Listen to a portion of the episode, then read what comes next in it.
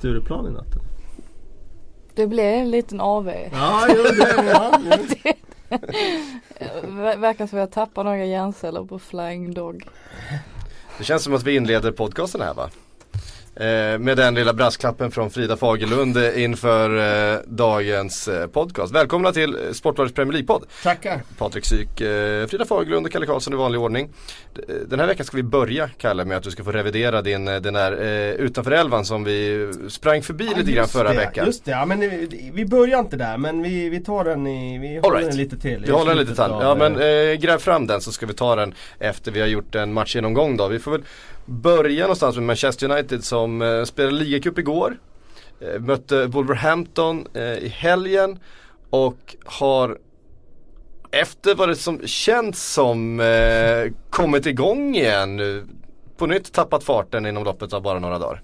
Mm. Ja, hela United-kvällen började ju egentligen med de här uppgifterna från både Times och ESPN och jag såg att eh, Evening Standard skrev om det också lite senare att eh, Mourinho hade tagit eh, kaptensbindeln från eh, Pogba permanent. Eh, han har ju fått vara kapten tre gånger under säsongen.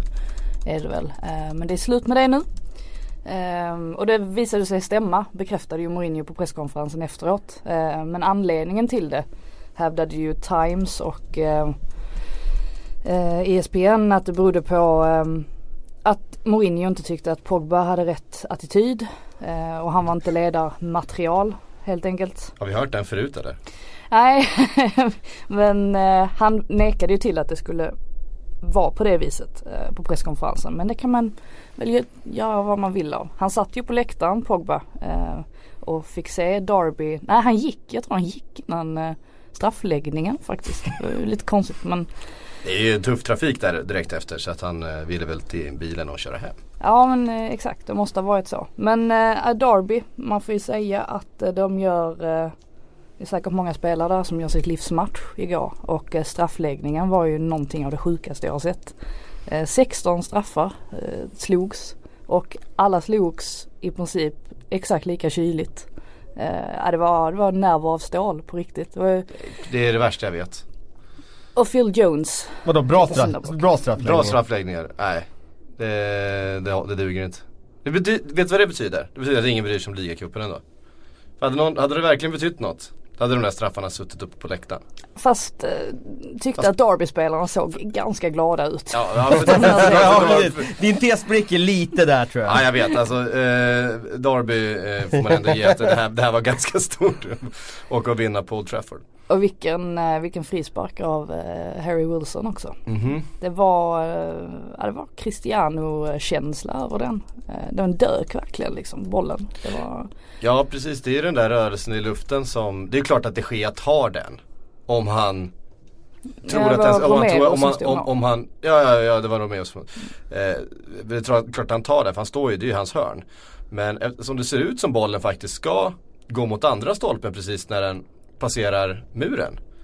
Men liksom på något sätt aldrig gör det. Så har han ju hunnit ta de där två stegen åt fel håll och sen så går den in i, i det långa hörnet i alla fall. Jävligt märklig bollbana. Men det är som sådär, eh, vad hette han, eh, Juninho var eh, fantastisk på. Man visste, alltså när bollen hade passerat muren så visste man fortfarande inte vilken stolpe den skulle dras in i. För den bara fladdrade bollen. This is Paige, the co-host of Giggly Squad, and I want to tell you about a company that I've been loving, Olive and June. Olive and June gives you everything that you need for a salon quality manicure in one box. And if you break it down, it really comes out to $2 a manicure, which is absolutely insane. It's also so easy to get salon worthy nails at home with Olive and June. The difference between how your nails used to look when you did them yourself and now with the Manny system is a complete game changer. The best thing about Olive and June too is it's a quick dry. Dries in about one minute, lasts for five days, and full coverage in up to one to two coats. Visit oliveandjune.com slash perfectmanny20 for 20% off your first system. That's oliveandjune.com slash perfectmanny20 for 20% off your first system. Ja och överlag så gör jag, jag tycker andra halvlek tillhör ju Derby. Eh, helt klart. Eh, sen eh, kvitterar ju Fellaini med eh, sex minuters tillägg. Jag vet inte riktigt var han hittar de sex minuterna egentligen. Men i 95 minuten så kommer ju givetvis Fellaini och, och, och gör 2-2. Då tänkte man väl någonstans att United ändå skulle ta detta. För att de hade inlett matchen ganska bra och får ju in ett tidigt ledningsmål. Men det säger väl någonting om United också hur de mår just nu. Att de inte kan, de kan inte döda en match. Liksom, de kan inte förvalta att de får in 1-0 så tidigt utan de kollapsar. Um, och det, ja, det är ju inte en klubb som mår jättebra just nu. Nej, det har ju varit väldigt mycket eh, diskussioner förstås om och, och efter matchen, eh, nu pratar vi om matchen igår men även eh, till helgen på hemmaplan mot Wolverhampton. Det blir 1-1 till slut i en match de eh, Manchester United nästan ska vara glada att de får med sig en poäng. Ja, det var ju chanser åt båda håll men det, det, det kunde verkligen ha slutat ännu värre. Um, och Mourinho var ute och, och ifrågasatte sina spelare, sin ställning och så vidare igen. Det här är ju liksom ett det, Någonstans så kändes det efter de senaste omgångarnas ändå trepoängare att det, Eh, och lite bättre spel eh, och det var ändå ett hyfsat spel mot, mot eh, Tottenham före dess. Det kändes som man har liksom kommit ur den här liksom negativa trenden lite grann.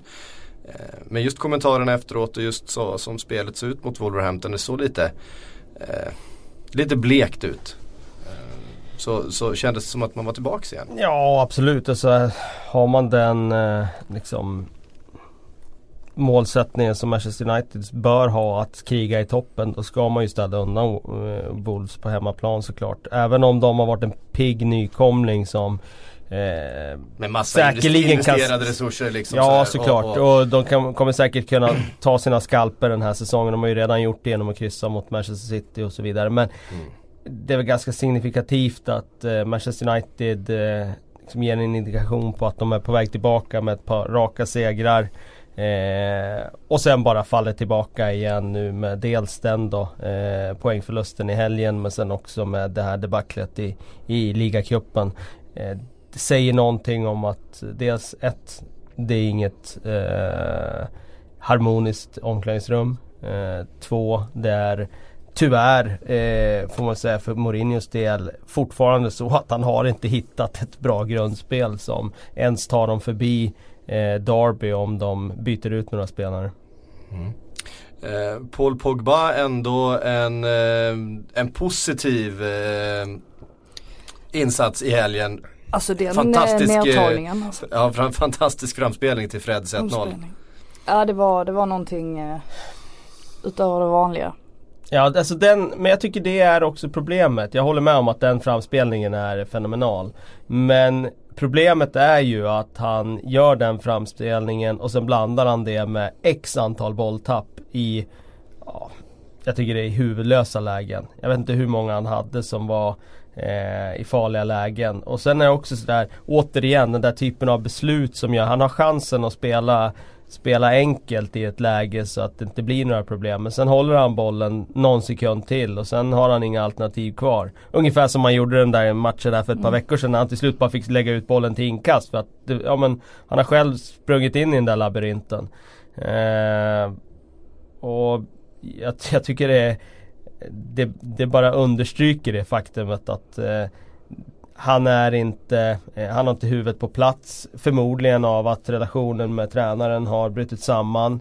Han vill till Barcelona vilket skrivs i brittisk press idag. Det är jag har ingen anledning att betvivla att det stämmer. Eh, det brukar vara rök, ingen rök utan eld i de fallen. Eh, och jag kan inte se att, eh, att han kommer att prestera på den nivån som, som han har i sig. För att, dels för att eh, han inte drar jämnt med Mourinho, dels för att han verkar ha huvudet på, på ett annat ställe.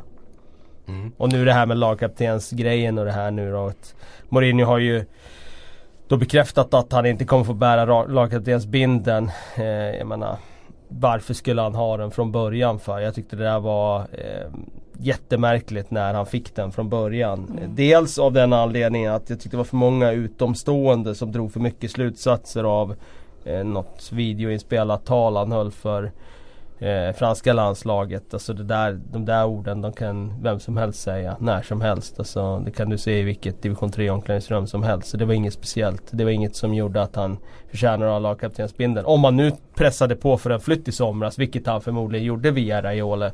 Varför skulle han ha lagkaptensbindeln då ens från början när säsongen startade? Och nu tycker jag han visar match efter match som jag varit inne på tidigare just att han är inget kaptensämne. Han är ingen som står när det blåser. Han, eh, när laget behöver eh, en smart spelare som är trygg och som tar laget i rätt riktning. Då står han och kör sulfinter på, på mittfältet och tappar boll i fel lägen. Och det visar sig ju igen i helgen. Nu tappar han bollen 1-1 mot Wolves.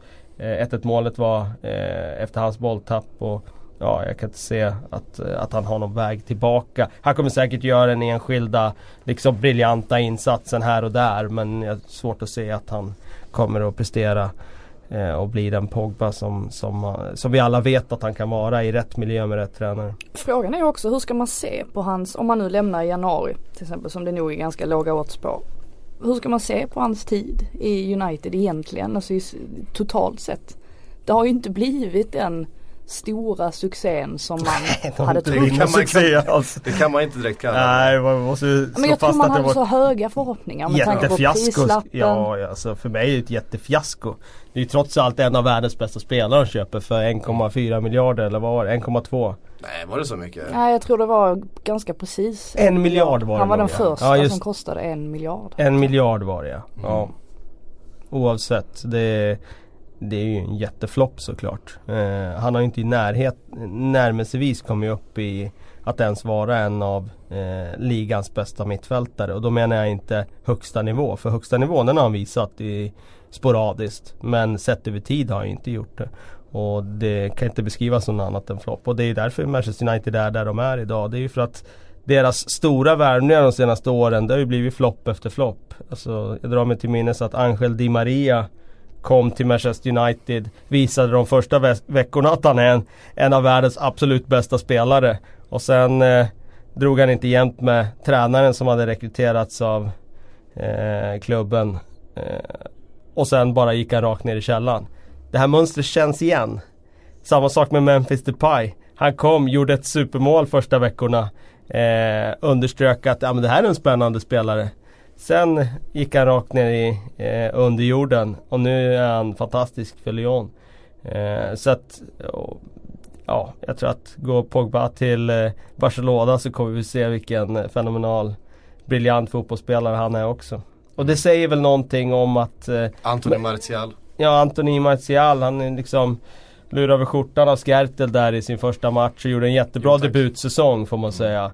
Sen eh, har han inte fått förtroende och inte dragit jämnt med tränaren och nu är han liksom i, längst in i frysboxen. Och eh, det är samma sak där. Han kommer också i framtiden visa vilken eh, otroligt bra ytter det är. Och man kan ju säga United har ju blivit som ett annat United, Newcastle United var för ett antal år sedan. När alla spelare kom dit och blev helt skräp. Jag menar, så var det ju ett tag när Newcastle värvade spelare. Alla blev värdelösa av att vara där och det är ju ungefär samma sak nu med Pardew-tiden? Ja, delvis. Delvis det.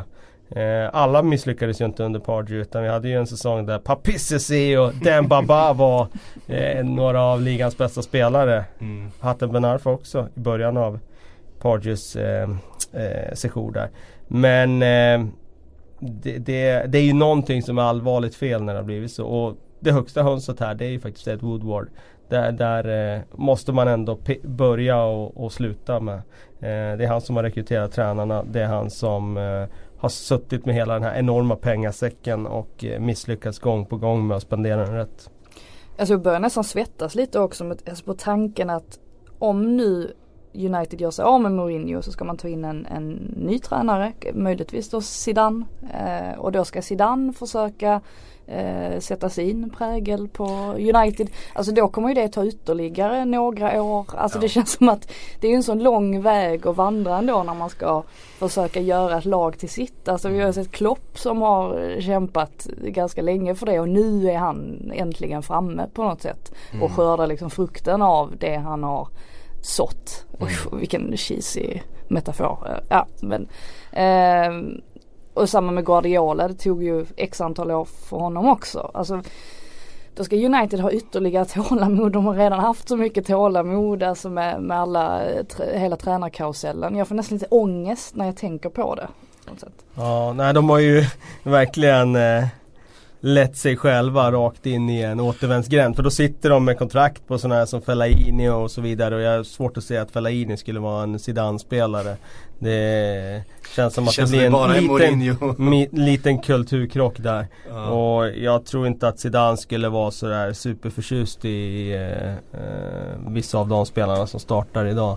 Eh, så att ja, det, jag håller med dig. Det blir ett det blir ett eh, digert arbete om det nu är Zidane som kommer in. Jag räknar ju med att det blir ett tränarbyte och eh, för Woodwards del så han behöver ju göra det så fort som möjligt. För mm. ju längre man väntar med det desto större blir ju bara problemen. Det är därför de skulle ha gjort det direkt när den här säsongen, ja innan den sparkar igång egentligen. Och. Sen ska man också säga, Manchester United är en av världens rikaste fotbollsklubbar, kanske den rikaste av alla.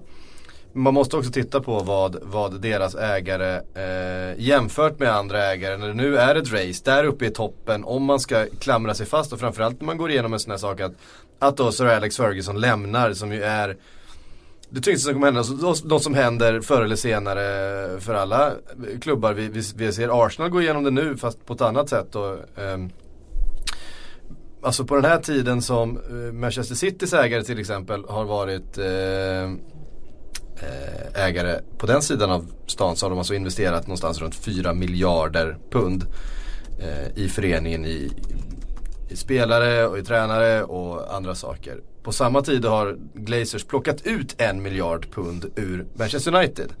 Alltså de har inte ägare som, de har en klubb som genererar väldigt mycket pengar men Manchester United är fortfarande extremt skuldsatt. De har ju inte betalat av de här skulderna, de skulderna på klubben finns fortfarande där. Men de har extrema intäkterna. Och det ska man ju ge Woodward, det är han ju väldigt, väldigt bra på. Han är oerhört bra på att dra in pengar på det här varumärket. Genom olika affärsavtal. Men samtidigt har de ju ägare som faktiskt ta, plockar ut pengar eh, ur klubben snarare än att investera i den.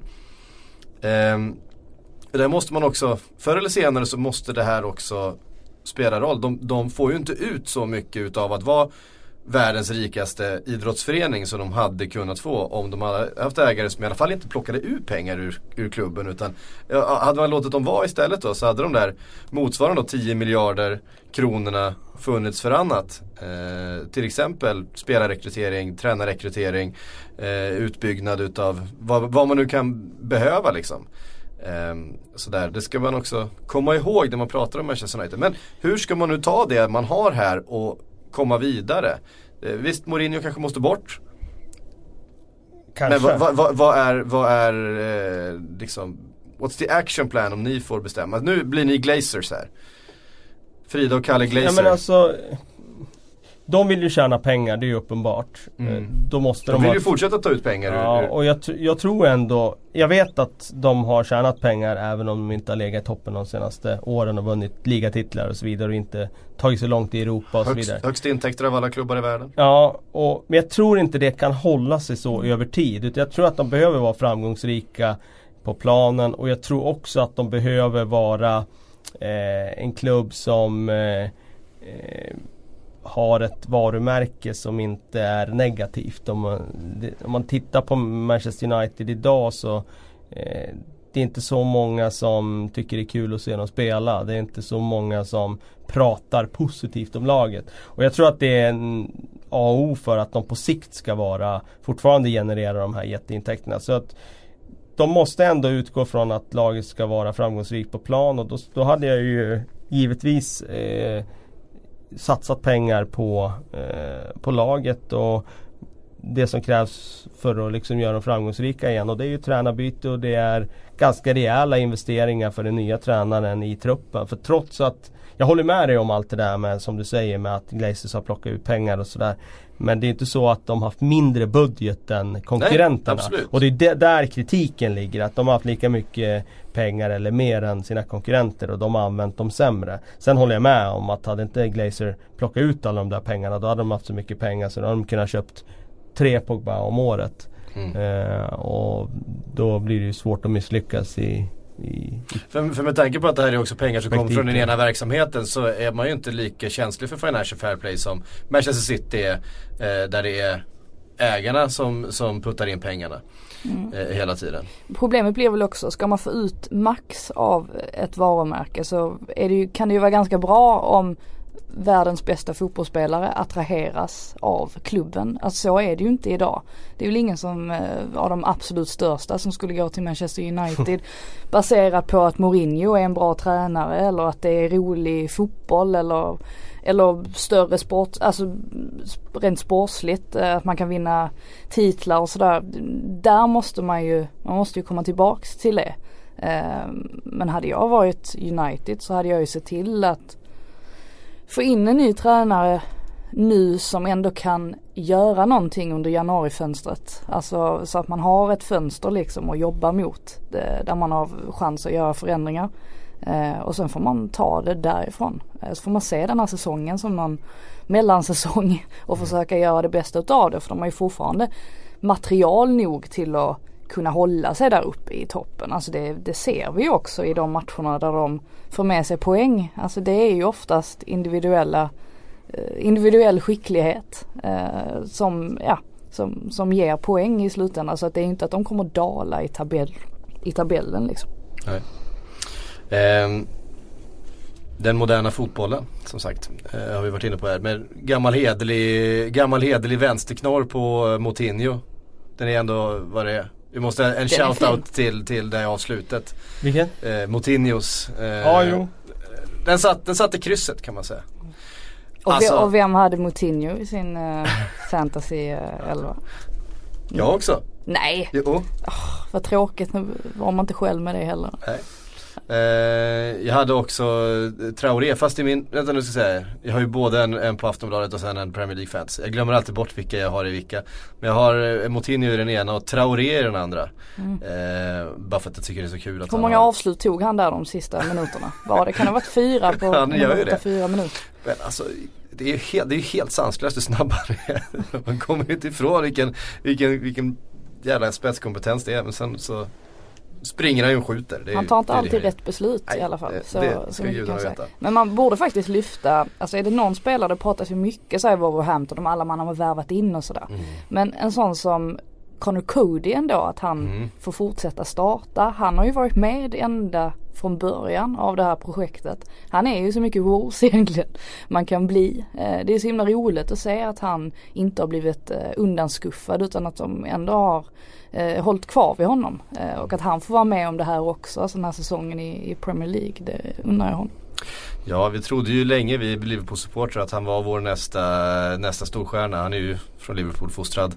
Eh, lånades först ut till Wolves tror jag, innan han eh, lämnade. Eh, han tappade farten där efter eh, tonåren och man kände att nej, då var det dags att Eh, men det är roligt för en sån spelare som inte kanske fick det genombrottet som man förväntade sig där i sena tonåren och runt 20. Att Han kan ta den andra vägen, gå till då en klubb i, i Championship, spela upp den och, och eh, ha en, han är ju lagkapten där. Mm, det hade varit så enkelt för Wolves att bara köpa in en annan spelare och ersätta, med, och ersätta honom med. Eh, så det är väl just därför det är satsa, häftigt på en, att se. satsa på en talang. Ehm, och utvecklas tillsammans. Ehm, West Ham Chelsea. Det var, Ja. inte, det var inte mycket fyrverkerier hörni. Nej, verkligen inte. Ehm, jag satte mig ner för att se den och tänkte att nu ska vi se när Eden Hazard tar ytterligare ett kliv upp bland stjärnorna här. Ehm, men det blev ju tyvärr ehm, inte mycket av den varan. Hazard var faktiskt eh, ganska misslyckad i den här matchen sett till hans nivå. Och eh, Chelsea i stort, ja de försöker, de har bollen. Jorginho satte ju nytt helt otroligt passningsrekord. Flest antal passningar i en, i en match i Premier League. Eh, var det 170 stycken han hade? Eh, jag tror det var attempted passes, Ja, 170 precis. stycken. Ja. Vilket är Och, och rekordet så här, före den här säsongen var typ 140. Så det är liksom så Ja. ganska stor skillnad. För han hade väl själv slagit rekordet en Ja gång precis, tidigare. exakt. eh, Han slog sitt säsongen. eget rekord nu. Ja, precis. Eh, och det säger också någonting om eh, hur fotbollen har förändrats när tror det var någon som hade gjort en tweet om det just då, jämfört med Joe Allen var ju, skulle ju bli Brendan Rodgers nya Xavi när han Mm. värvades till Liverpool. Han låg alltså i sina matcher på ungefär 70-80 passningar. Och idag ligger alltså Jorginho på 170 eh, hans notering då. Mm. Eh, vilket är Jag tror, jag tror Joe Allen hade det rekordet ett tag. Eh, och då låg det på typ så här 100, ja, men 120-130 passningar i någon match. Ja det kan stämma, Jag det kan stämma. jag han det kan det- stämma. hade Det var det någon toppnotering så. Ja. Eh, men eh, det är ju kul ändå att West Ham har eh, utan Arnautovic i den här matchen skadad. Eh, att de har eh, ändå fått ordning på skutan. Och han är väl obesegrad nu Pellegrini sedan han blev pensionär.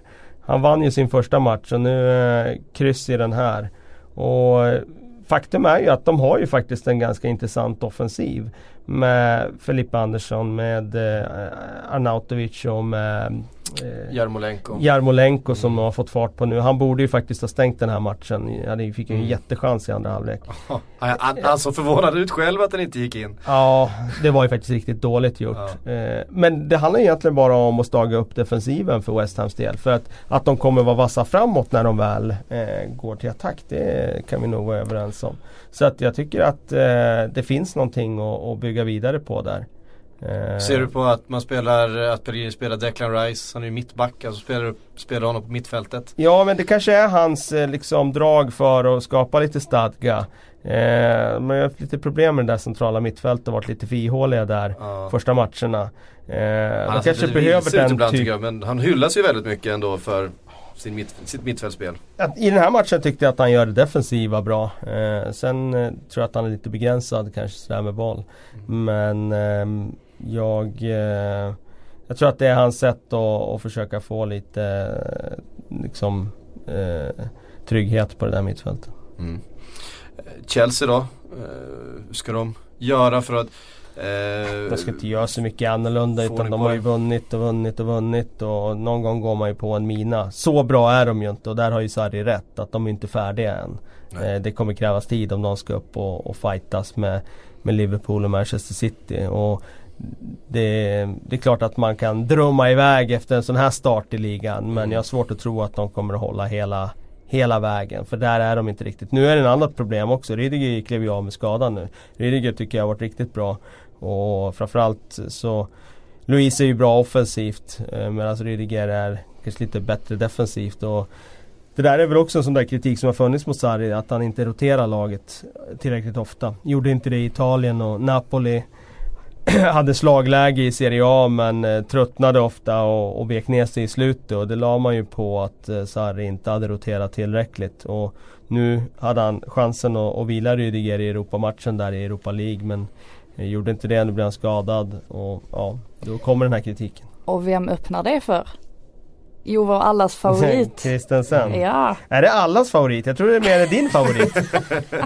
Ja, vi gillade ju Christensen här på hösten förra året men sen tyckte jag han gick ner sig under våren där. Jag var inte superimponerad då. nej, han måste Ah, Det var väl ett par chans. insatser, han gjorde ett par misstag så jag tyckte han var ganska eh, alltså, hyfsat stabil. Men eh, just det där att han, eh, han charmade oss genom att kliva in från ja, men nästan ingenstans och, och bli första valet Ja, för Antonio Conte. Det var ju då såg han ju otroligt. Då var han liksom kanske hela Europas mest spännande mittback ett tag. Just för den extremt eh, branta kurvan uppåt han hade. Mm. Så det är klart han är ju fortfarande ung men, men 96 är han va? Sen var det väl inte jättehård konkurrens. Jo, de har ju plockat in Rydiger men han var ju inte han hade det ju ganska tufft där I början, början. ja. Han Ja. kom inte riktigt in i det. Och sen var det Kiel.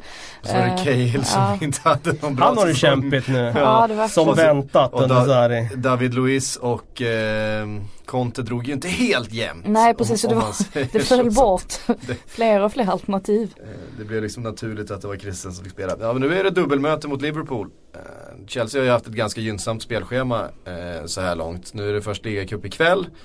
Det blir väl inga, inga A-lag som ställer upp direkt för någon av dem. Och sen eh, eh, match till, på lördag va? Mm.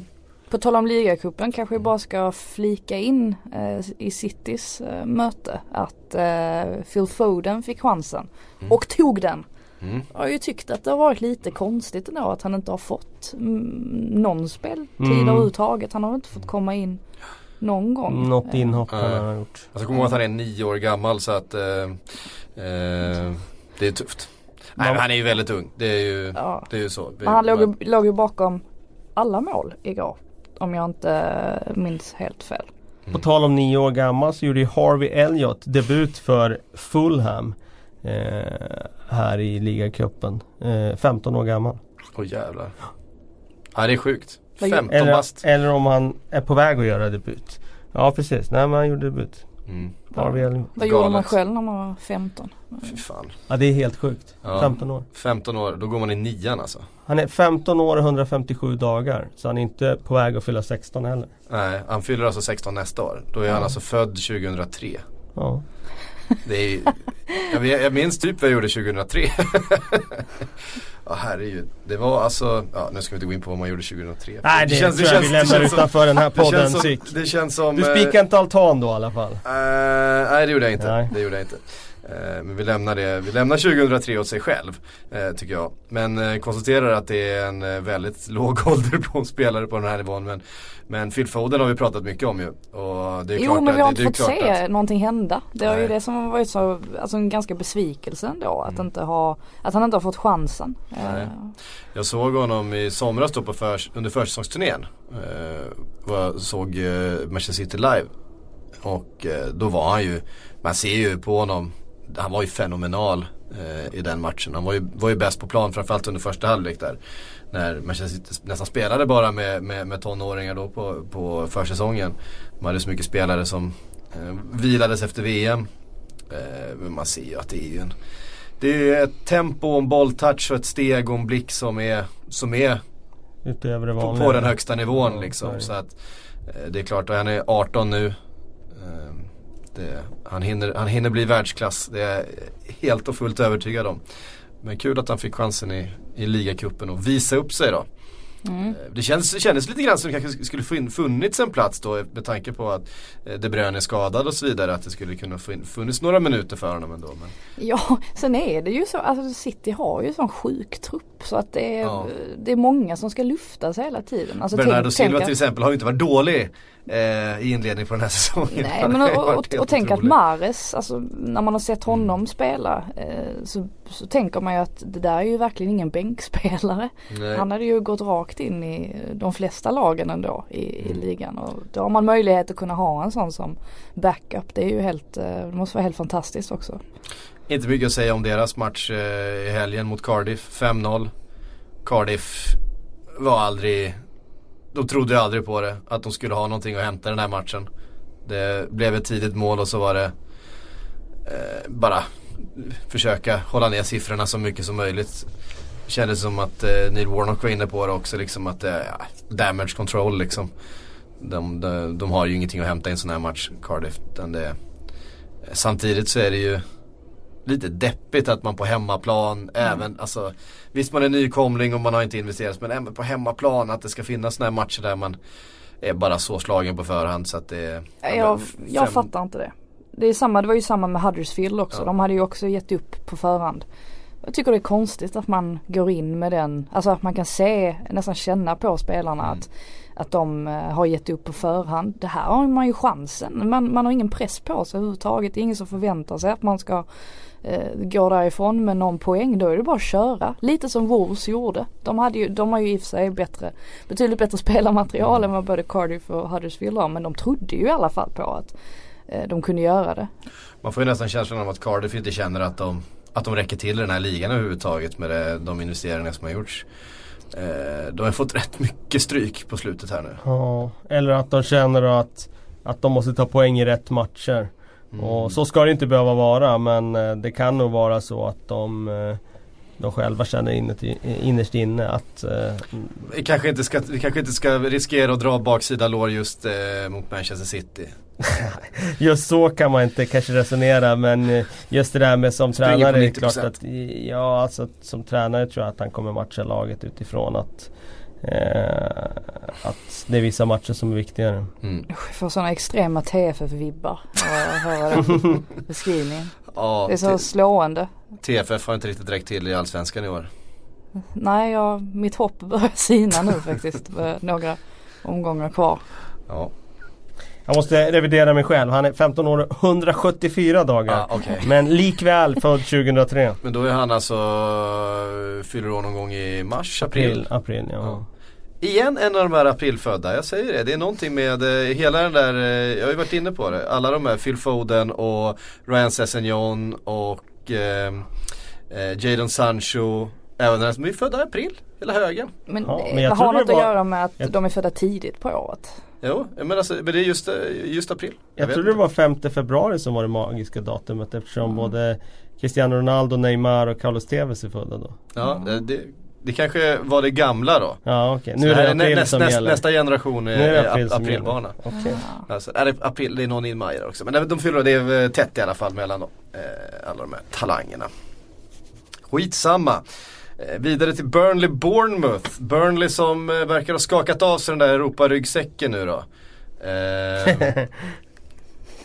Spelar, spelar med ny, ny stuns i Jag tyckte det var roligt att du, ska vi nämna den varje gång eller? Ja men Det- får vi ändå säga nu när de har- sett så jävla bleka ut och helt plötsligt så är det inget Europaspel i veckan och då springer man ut och vinner med 4-0 istället. Ja det var dags att de fick en, en eh, trepoängare. Ja men det var ju en sån urladdning. Ja verkligen. Mot, Nej, det mot Bournemouth som har varit ja. väldigt, väldigt bra. Jag Ja. var helt säker på att Bournemouth skulle vinna den här matchen. Men det var ju, det var ju överkörning verkligen.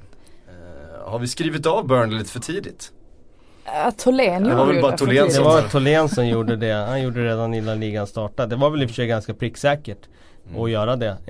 Eh, skrivit av dem har, har vi inte gjort. Men däremot så har vi väl konstaterat att det, det kommer inte bli någon upprepning av fjolårets su- succé. Och det är väl ganska uppenbart. Men jag tror inte heller att vi får se dem på övre halvan.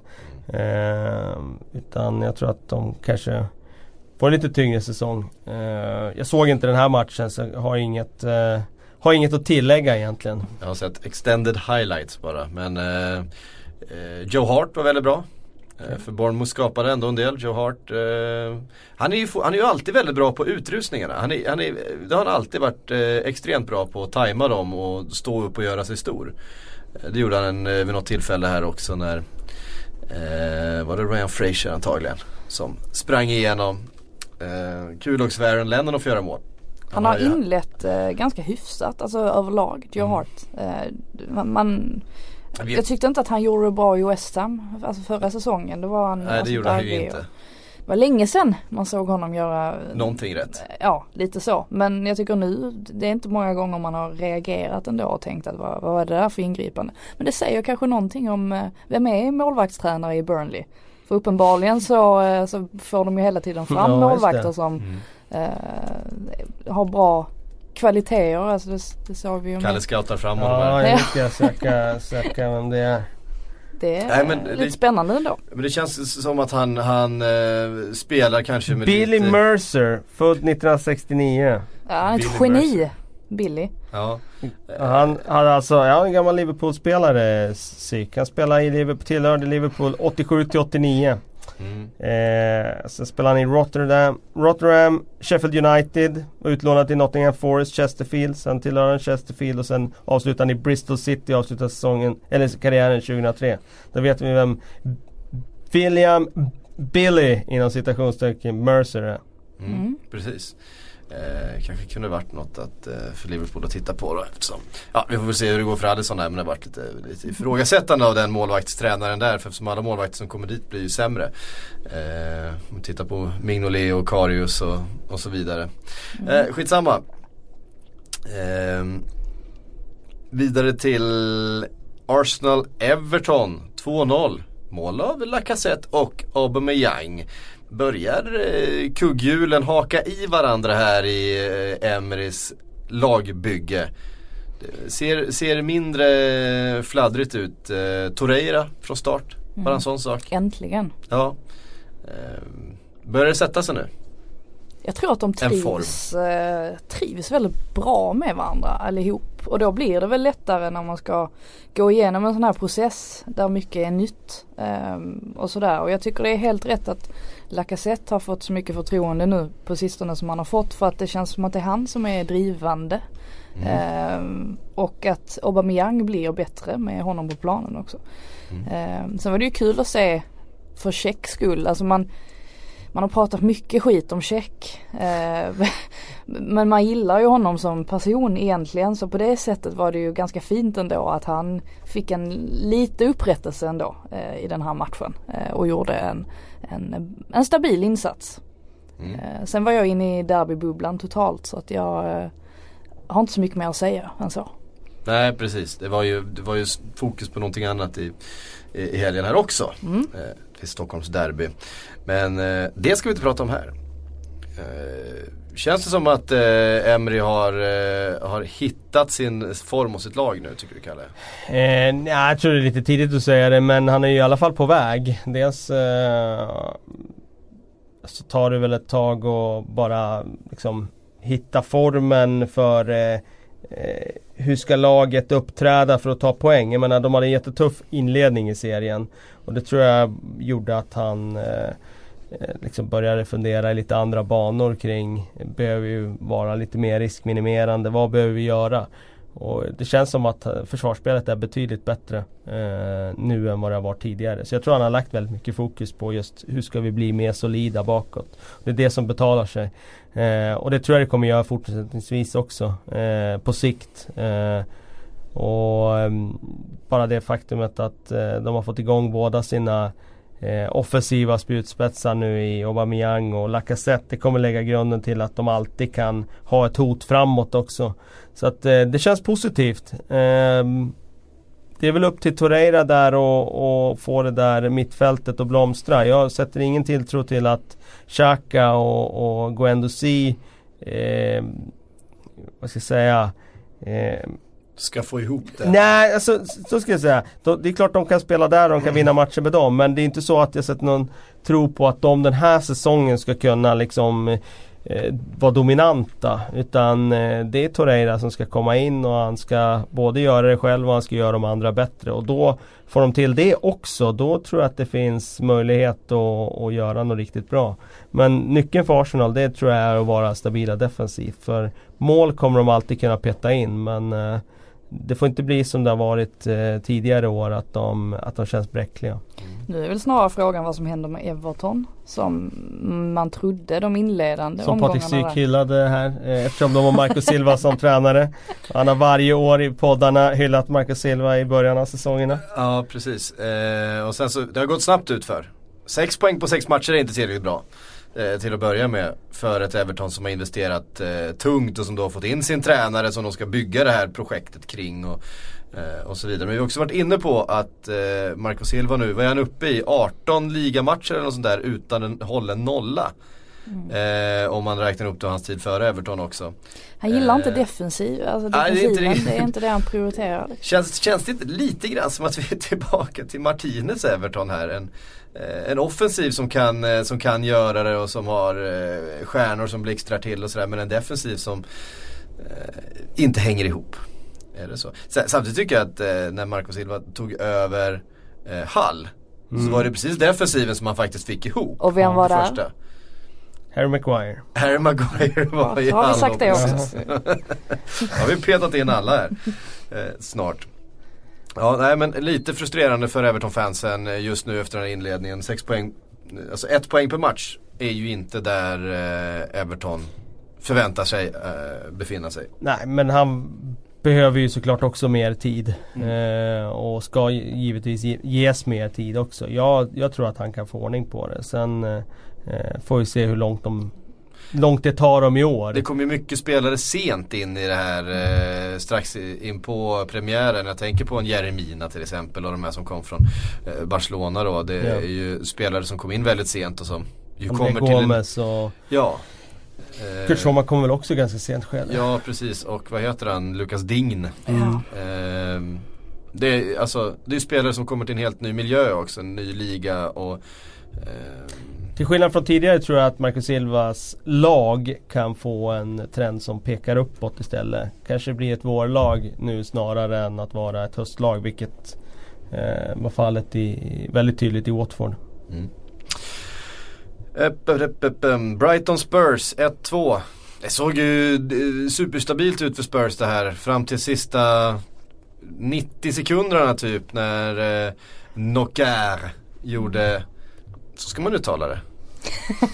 Alltså, jo, jo, jag men, har inte sagt jo, jo, men, något. nej, men du tittade frågande på Nej, mig. det, Alltså, det- jag bara tittade på det, helt normalt. Jag kände, kände dömande eh, direkt efter. Jag var inte helt, jag var inte helt 100% i mitt självförtroende kring det uttalandet heller. Så jag, jag, hade, jag hade ett val där, antingen så går jag på full, full frontal. Men du slår ändå så- fast att det är exakt det är så exakt, det ska det är exakt så det ska uttalas. Eh, eh, Anthony eh, Nocker.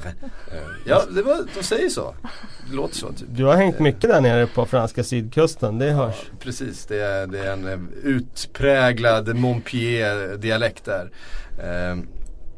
Ja men satte den och får ju ett superläge igen. Det precis, alltså det är, det är typ en minut kvar att spela när han sätter eh, reduceringen och sen så är det som att eh, Spurs-spelarna bara vill Ja men blåsa av nu då och sen så vips säger det så har bollen trillat ner igen så får han ytterligare ett eh, skottläge strax utanför eh, eller ja, precis på straffområdeslinjen men han skjuter mitt i magen på Gazzaniga som står där nu. eh, Spurs nere på tredje målvakten. Vi pratade ju om eh, snygga spelare förra Mm. veckan. Och ja, det var någon på Twitter som eh, skickade en närbild på Gazzaniga. Där har vi en eh, Där har vi en. utmanare. Har jag inte tänkt på. Nej, vi, det, eh, det har man ju faktiskt inte. Den, eh, det får vi kolla upp. Ja det får vi göra. Absolut, den ska jag inte. Jag är fortfarande lite förbryllad över Arnautovic men eh, som sagt, jag king-shamear inte. Ehm, Det är bra. Men, Men- Eh, herregud vilken skön seger för Tottenham. ja, de behövde de tre poängen. Verkligen och den här kollapsen mot eh, Inter den måste ha svidit också. Eh, något förbannat. Så att här var det ju viktigare att bara få med sig tre poäng för det första och göra lite mål. Eh, komma i stämning. Ja men just det, det såg så, det såg så oerhört stabilt ut och så ja, men just, Jag tror det var lite puls där precis när han drog iväg eh, det andra skottet där i, i 90 plus 4 någonting. Eh, och hade kunnat bli kvitterat men eh, Mål av Harry Kane igen. På straff. Eh, det är så han gör sina flesta mål nu för tiden känns det som. Eh, när spelet inte riktigt stämmer. Straffar kan han slå. Eh, Ja men oavsett vad, hur han gör mål nu så det är väl skönt för honom bara att få, få lite nätrassel. Eh, jag tror det betyder mycket för honom bara att få, få vara med i målprotokollet. Eh, så får vi se om man kan växla upp. Mm. Jag tycker inte straffar borde, borde in, alltså vara inräknat i den som vinner skytteligan. Jag är en av dem som tycker är en av att, dem? Ja för att det, det finns för många spelare som glider lite på det här. Kane gjorde ju det i somras också under VM. Ja, Utan straffarna hade han Mm. aldrig vunnit eh, skytteligan. Fair point, ja jag, jag köper. Ja. Ibland del, delar man ju upp det i diskussionerna så att säga. Där man säger jo men eh, den spelaren har gjort så här många mål på straffar. Alltså, Mm. men i den officiella statistiken så ingår de ju och ja, ja. Jag, Jag minns, köper det. jag minns den där diskussionen när, till exempel när Suarez vann eh, skytteligan för Liverpool. Beppe. Signore trodde jag du skulle Eh, ta fram. Nej, när, när eh, Suarez vann skytteligan då säsongen 13-14 Mm. och Steven Gerrard slog ju alla straffarna för Liverpool den säsongen. Att han kanske kunde slagit det där 35 målsrekordet om han hade fått slå för Liverpool hade ju rätt mycket straffar dessutom den säsongen. Som, som Stevie G rullade in. Ehm, och sådär. Men eh, nej, det känns ju eh, jag kan hålla med om att straffarna kanske inte ska räknas in i Guldbollen. Samtidigt, för fan det är svårt att slå in en straff. Det, Fast jag är hävdar- det jag hävdar- verkligen Är det det? verkligen det? Ja, det är ju inte svårt om man inte har någon press på sig men, men den ska ju fan 80%. göras. 75-80% av straffarna går in. Mm. Ja, Det är inte Ja. så svårt. nej okej då. Eh, Fråga Derby-spelarna. Ja precis. Fråga Griezmann. Eller Phil Jones. Mm. Ja just det. Vi kanske ska nämna det också vad Mourinho sa om att det var ju ett oerhört märkligt. Sen vet man inte hur mycket det är språkförbristning och sådär men när han säger När det är att Mourinho så är det fan inga språkförbistringar. Han, han, han, han, Nej kont- han alltså fel kontrollerar budskapet. Alltså att han kunde ha valt ett smidigare Vilket sätt att uttrycka sig på. Eh, ja men det slogs ju som sagt 16 straffar Mm. totalt. Och till slut började det ju, alltså man undrar ju till och med vad har Derby tillräckligt med spelare för att det här ska kunna fortgå. Ja men vad, vad hade hänt då? Eftersom, eftersom Manchester United var det som hade en utvisad va? Ja precis. Romero fick ju direkt rött kort för Just det. Precis. Det är bara de som är på plan som får straffar så man slår om. Exakt. Ja, Men, går så om. då hade de liksom hamnat i otakt Ja, med Derby. Så hade de fått gå, men det, är- det som hade hänt ändå. Spelar Liksom. Ja, Mm. exakt. Och grejen var att då, då sitter Mourinho, så då blev det till slut Jones som blev den som missade ju. Eh, och Mm. då sa ju Mourinho på presskonferensen efteråt att "I knew we were in trouble när de bara hade Phil Jones och eh, Bajie kvar. Ja. Och ju oerhört märkligt uttalande att, att känna så, men ni är Manchester United. Ni har spelare som tjänar alltså hur mycket mer pengar som helst än de här Derby-spelarna. Det är klart som fasiken att ni ska ni ska vinna en straffläggning mot dem. Alltså hur kan han ens Fast han tänker nog mer att eh, mittbackar som aldrig har slagit en straff förut. För straffläggning är ju ändå lite Men separerad det, var ju samma, från... det måste vara samma för Derby tänker man. Jo men det är ju ett, eh, alltså på Phil Jones sitter ju också ett riktigt träben så att eh, det, det är, Alltså han sa nog det som jag tror Phil Jones kände innerst inne själv också så jag tror inte att det var så Jag tror nog Phil Jones själv kände att oj jäklar snart måste jag slå en straff, det här är ju inte bra. Eh, så att eh, herregud. men det är klart att det ser lite eh, hårt ut i rubriker så. Men jag tror de där spelarna ändå, alltså, han sa ju det som jag tror spelarna själva kände också. Så jag tror inte det är något, just det tror jag inte är något större problem. Nej, han kanske borde vara lite försiktig Ja, det kan man säger. tycka. Det Det var, var ju ett väldigt roligt klipp. Eh, eh, Ska vi spela upp några sekunder? Det var eh, typ någon Manchester United fan-tv, något sånt. Som,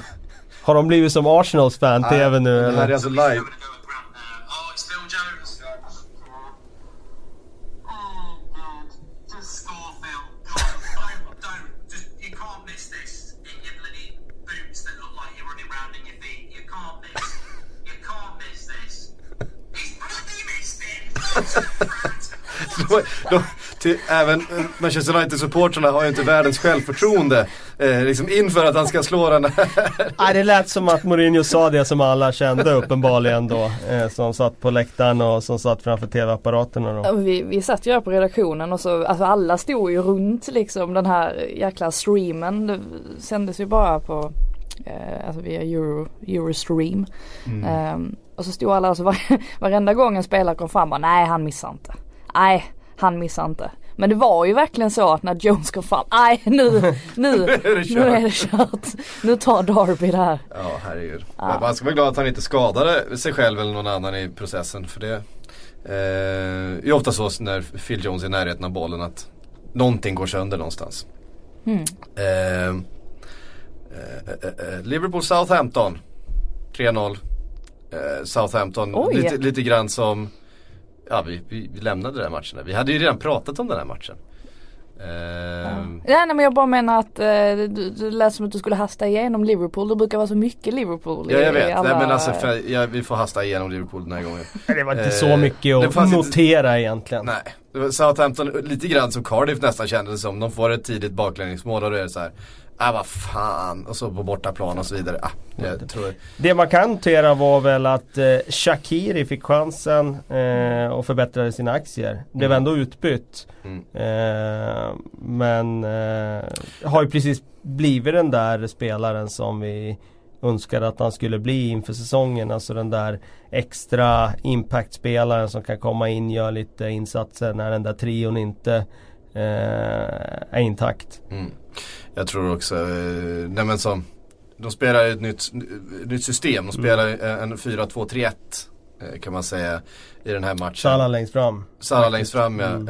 Eh, Firmino eh, på kanten då. Det funkade väl inte sådär jättebra. Shakiri fick ju mycket ytor och så vidare men, men jag tror att Klopp kände att eh, det blev lite för mycket ytor för Southampton just på, i, på vissa ställen och att de inte riktigt var vana så han ville liksom gå tillbaka till en 4-3-3 andra halv, eh, halvlek bara för att ja, Ja, säkra upp det. liksom. säkra upp det liksom. Det, och till Shakiri sa han nog, du, du har 90 minuter mot Chelsea i ligacupen till veckan. Eh, så att eh, du kommer få spela mer. Eh, ja, hur det nu var. Eh, så var det med det. Eh, just det Kalle, nu ska du få eh, revidera då din elva Ja, av de bästa spelarna utanför eh, topp 6-klubbarna. Du har blivit lite hårdare i din bedömning. Precis, alltså jag, jag satte ju upp kriterierna tillsammans med frågeställaren som bad om den här elvan. Mm. Men sen gjorde vi ju något undantag här och där. och, Mahrez var ju ett- och jag insåg ju den där problematiken att om man börjar göra undantag då Det är precis som när man ska bjuda in folk till sitt bröllop. Tar man en då måste man ju ta nästa. Och tar Mm. man, då blir den där ringen bara större och större och större och större. sen- Hasselbank var väl den värsta kantbollen Ja, egentligen. för precis, han exakt. gjorde ju en hel del för eh, Chelsea ändå. Jag där. trodde ju, ska jag erkänna, att han bara gjorde ett par säsonger i Chelsea och var jäkligt bra där. Men jag insåg ju sen när jag kollade upp det då att han gjorde fyra. Eh, och eh, det var lite för mycket. Och då insåg jag att, nej, då drar vi helt enkelt eh, kanten väldigt hårt. Man får absolut inte ha tillhört någon av nuvarande Big Six överhuvudtaget då. Eh, och då har jag kommit fram till denna elva. Eh, Neville Southall i mål. Eh, han var ju där förut också. Ja. Jag tar in Gary Southgate på högerbacken. Eh, jag eh, har ju kvar Paul McGrath såklart. Mm. Lukas Radebe, Leeds, eh, kommer in i mittförsvaret. Det är faktiskt på förslag från ett par av eh, våra lyssnare. Och Leighton Baines får vänsterbacken. Eh, jag tog bort ha, Stuart. Pearce. För Stuart Pearce har ju tillhört Manchester City och Ja. även om han var som bäst i Nottingham så faller han på City eh, karriären där. Och sen har vi ett mittfält då där eh, det blir väldigt offensivt viktat här. Jag tror inte att de är så bra i defensiva omställningar det här gänget. Men Juninho eh, på kanten flyttar in honom. Gamla Middlesbrough-brassen. Ja. Som faktiskt valdes till ligans bästa spelare ett år. Var ju eh, en oerhört stor publiksfavorit på Riverside. Skön, skön karaktär. mycket. Eh, JJ Okocha, Bolton, eh, får vara kvar då. Centralt med Matthew Letizier. Och det är klart, Det det är är, inte- det är rätt offensivt. Ja, det, är li- det kanske skulle behövas en städgumma där bakom där. Och sen får faktiskt gamla eh, Newcastle-yttern Laurent Robert, eh, en av kanterna. Eh, också på förslag, vi, jag övervägde honom men eh, också på eh, flera av våra lyssnares förslag. Och sen på topp då Alan Shearer given. Mm. Och sen var det lite förslag om allt från Chris Sutton. Men jag väljer faktiskt Paolo Di Canio, West Ham, som eh, kliver in på den sista anfallströjan. Mm. Där har vi nostalgielvan. Där har vi nostalgi. även. Här. Bra. Eller nostalgi, all Ja, time ja. Premier League utanför Big Sex Det är en bra elva. Det är en bra elva. Mm. Eh, väldigt offensiv men å andra sidan skulle de inte låna ut bollen så ofta. Nej. Ehm, vi sätter, ska- om vi ska ha en städgumma på bänken då, finns det någon? Ah, David Batty skulle kunna Ja, få eh, en roll som defensiv mittfältare. Ja. ja men det köper jag. Mm. Ehm, Men då måste ju någon ut och jag vill inte ta ut någon. Nej. Vi har fått massa frågor, vi tar några. Eh, F- Floyd Albin skriver Ni blir attackerade av ett gäng blodtörstande Millwall-fans. Vilka tre Premier League-spelare hade ni valt att ha på ert lag i fighten? En från 10-talet, en från 00-talet och en från 90-talet. Ja, den är 00-talet är ju Roy Keane. Ja, det är Alltså, inget snack. Det är inget snack. Nej. Han hade antagligen buntat ihop dem 90-talet själv. är ju Winnie Jones. Ja det måste det ju vara. Trots allt ändå. Trots allt, det finns några stycken Det finns många som att är- välja mellan där men eh, Big Dunk ska man ja, inte Big Dunk är ju, Han är ju i konkurrens med Keane alltså Ja. på, på någon, alltså, han är nog bättre än Keane ändå alltså. Duncan Ferguson ska, Ja. det hade man ju inte velat eh, Då är 10-talet kvar då. Jag hade tagit Shelby. Han ser lite... Han är ju galen liksom. Ehm, Rondon är också, han är stor och Ja, han är stor det är han. Ca- Cattermole. Nej, men måste Nej, ha men- någon större. Han är Ja för... precis, han är för liten. Kattemol. Eh, Räcker inte till i det här nu- sammanhanget. Nu, nu. Ryan Shawcross kanske? Ja. Det är en brytare. Men är han så elak? Det måste ju vara någon som är lite galen. Men Shelby är, han är ju knäpp. Är inte Diego Costa en riktig street Ja. fighter? Ja, Diego okej, Costa är en såklart. bra shout alltså. Det är ju en han, han, han, han trollar ju fram någon jävla kniv någonstans också. Han, han har ju det, det Diego Costa kör ju inget renspel. Det är ju det är ingen, vi- det är ingen fair fight med Diego Costa. Och det är ju bra eftersom Diego man har honom på sin sida. Men Diego Costa, Duncan Ferguson och Winnie Jones. Då är man ju ganska säker eh, i det det sällskapet. får vara ett bra gäng som ställs eh, på andra sidan där. Att, eh, Känns som de skulle klara 100 man. Ja, jag köper det. Vi tar den. Ehm, ja, det är ju om man skulle då eh, skicka över eh, Roy Keane in i 10-talet. För han var väl fortfarande en eller av egentligen. Ja, innan 10-talet i alla fall. Han gjorde det? Ja. Okej då. Ehm, Thomas Nygren eh, har en önskan här. Jag tänkte lyssna på avsnittet när jag springer Lidingöloppet i helgen så skrik gärna öka en gång i kvarten. Ja det har vi inte gjort men vi kan göra det en gång. Det är En timme har du i alla fall inte sprungit färdigt på så öka Thomas för fan, kämpa! Eh, Jag står kanske vid eh, sidan om spåret och hejar på. Ja. Mm. Heja. Ehm, Per-Axel Fredriksson vill att vi ska ställa upp en London-11 mot en Manchester-11. Oj det får bli för nästa. Vilken är starkast? Ja, men jag sätter det på dig Kalle. Ja, okej. En, en London-11 mot en Manchester-11. Ja, absolut. Ehm, det känns som att fundera på. Manchester-11 det är, Ja. Den är stark. den är stark ja. Mm. Det blir hela Citys elva rakt av. Plus det sker. Eh, Emil Halvardsson skriver När ska Everton få på pälsen på allvar för upprepade misslyckanden trots stora investeringar? Kommer undan för billigt.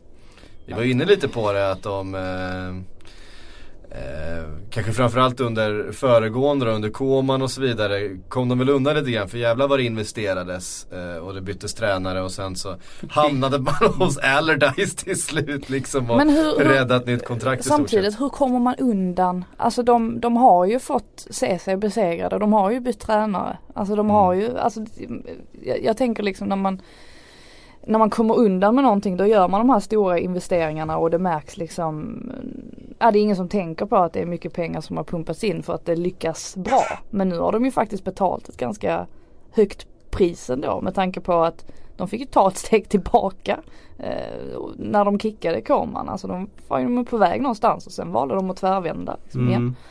Ja, Jag vet inte, det, det beror lite på hur man ser det också. Men... Vad gör du för någonting? Nej, jag försöker, jag försöker eh, eh, hitta, jag hade en annan fråga som jag hade sparat på telefonen här som jag glömde eh, skicka ner. Men eh, mm, eh, Jag kom av mig helt. Hade du pratat Det här är Premier? League-podden. Ja, det. precis. Du ställde en fråga, lyssnar du inte på svaret? Nej jag gjorde inte det för jag, jag tänkte jag skulle hitta. Jag skulle ju förekomma att det inte blev ett sånt här han, pinsamt han, han avbrott. läser inte planeringen man gör och han lyssnar inte på svaren eh, vi ger. Men eh, annars är han en, Enda en, gången han bra, har en bra kille. Enda gången han har psykat haft uppmärksamheten mot mig idag det var ju när du uttalade knockar. Ja just Ja, det. exakt. Så, Men det var ju då för, du att jag väldigt fick- för, att för att jag fick en, en konstig blick från dig. Jag reagerade direkt. Det är så jag ser ut. Med det. Ständigt frågandes. Ja. Ja. Eh, nej, det var Rickard Ljung som hade skrivit till mig på Twitter i ett sånt här eh, DM. Eh, det var därför jag inte hittade det när jag skulle eh, skriva körschemat. Han ville att vi skulle ta upp Fifa 11. ja det, men det kan vi göra. Och det, det tycker jag att vi kan, vi kan väl runda den här eh, sändningen då med en diskussion om Fifa 11. För det finns en del om den där ehm, Lägg ner säger jag bara. Ja men den där galan och hur priserna delades ut att eh, säga. Vill säga någonting om Är Fifa 11 alltså för kalenderåret 2018? Jag har aldrig förstått det där riktigt faktiskt. Men det måste ju vara så. Kalenderåret. För det är ju helt eh, ja, groteskt då att dela ut priset i september. Det är ju att ta ut en 11 i september. Alltså året väl slut sista december. Då borde det väl slås ihop i början av januari som det har varit tidigare. Ja precis, vi kan väl läsa upp eh, hur elvan eh, ser Eller är ut det från här. förra säsongen? Eh, Mm, mm, mm, mm. Det är ju, framförallt ska man säga då att det är ju supportrar som har röstat. Mm, jo, det, Vil- vilket också påverkar, Påverkar en del, ja. eh, ganska mycket eftersom eh, det- är sitter, det- sitter ett antal miljoner egyptier till exempel och, och eh, Rösta på Salah. ja. röst- röstar på Salah för ett mål som man inte ens fick månadens mål för i Premier League. Nej det var ju Det blir nästan lite pinsamt. Ja det blev lite pinsamt. Men är det, är det 100% fan votes eller är det en liten del som är jury precis som i de andra priserna? Vet det, jag tror att det Jag har fattat det som att det är 100% Ah, okej. fanvotes. Det är 100% fanvotes och det är ehm, David de Gea i mål. Eh, det kan man köpa. Eh, Dani Alves eh, till höger. Eh, Marcelo till vänster. Sergio Ramos och Rafael Varan. Dani Alves, och det är ju faktiskt frågeställaren här, Rickard inne på också. Var fan kom han ifrån in i den Han här gjorde ju någon supermatch där i Champions League men eh, jag tror att mm, det, det stannar nog vid det också. Ja, en Men mittfält. det är, väl, är inte det brist på annat då? Vad har vi mer för högerback?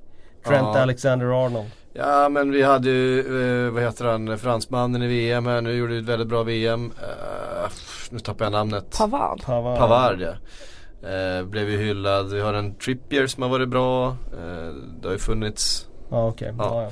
Jag kan ty- tycka att det funnits kanske andra. Ja, men jag tror eh, att många, det är återigen, det är tillbaka till det här när, de, eh, när alla landslagskaptener och det där ska rösta. Alla är inte insatta och många fans de går på stora namn. mm. Precis som det har varit när det har röstats om Fifa-priser och sådär. När landslagskaptenerna ska rösta och så är det från sådana här skumma länder och de kan rösta på liksom Kanu plötsligt liksom. Som liksom inte varit på topp sen han gjorde det där hattricken mot Sheffield Wednesday eller OS-finalen 96 liksom. Det kan det dyka upp som trea i Ballon d'Or-röstningen, omröstningen liksom.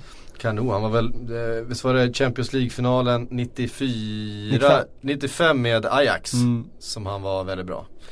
Han var med i alla fall. Där, där var alltid en, eh, någon afrikansk eh, journalist eller förbundskapten som alltid röstar på Zlatan och sätter Zlatan högst upp. Och det var alltså fram tills nu nyligen. Det. Eh, så, Ja. så att, ja men Man har Zlatan sina har rätt. favoriter. Ja men precis, han, han höll stenhårt fast vid, vid Zlatan. Eh, I elvan i alla fall en mittfältstrio med Kanté, eh, Hazard och Luka Modric. Ja men Kan där, man ju, kan man ju leva med. Det kan man absolut. Det enda jag ställer mig frågan till är att man eh, definierar Hazard som mittfältare. Han är ju Mm. lika mycket anfallare som Cristiano Ronaldo, Leo Messi, Mohamed Salah. Och, ja, kanske inte riktigt Salah men Messi och de andra i alla fall. Ja. Han ska ju inte gå som mittfältare på ett tremannamittfält. För anfallstrion då är Cristiano Ronaldo, eh, Kylian Mbappé och eh, Lionel Messi förstås. Ja, det går inte att argumentera så mycket med det. Det är väl Salah som ska in då men ja, var ska han in? Mm. Eh, ja, det är, det är som det är med eh, Fifa 11 och galan som var. Är det något ni tar på något allvar Nej, det är det inte och därför lägger jag inte så mycket krut på det hela så att säga. det kunde ha varit värre. Det kunde ha varit som på damsidan där det är ännu mer horribelt hur det går till när de ska välja Ja visst blev Marta Ja. och det är ju också bara baserat på Hon är mest känd. ingenting. Hon är, hon är Ja. mest känd. Ja. Eh, får nu knappast världens bästa eh, fotbollsspelare eh, nu för tiden. Eh, det var ganska länge sedan. Mm. Det är lite som att Ronaldinho skulle få priset alltså i, Ja, i slu- precis. slutet på hans karriär bara för att men han var kanske världens bästa när han, eh, höll, alltså när han var på toppen. Liksom. Mm. Lite som att Dani Alves då blir, blir högerback i världslaget för att han var en gång i tiden världens bästa högerback. Kanske fortfarande är den mest kända högerbacken. Ja det är Eh, han nog. Det är han nog. Ehm, ja, så är det i alla fall. Eh, vet ni vad? Det får eh, runda den här eh, Premier League-podden. Eh, tack Frida, tack Kalle för att ni kom hit. Eh, om en vecka är vi tillbaka igen och då har vi mer fotboll att prata om. Tack för att ni har lyssnat.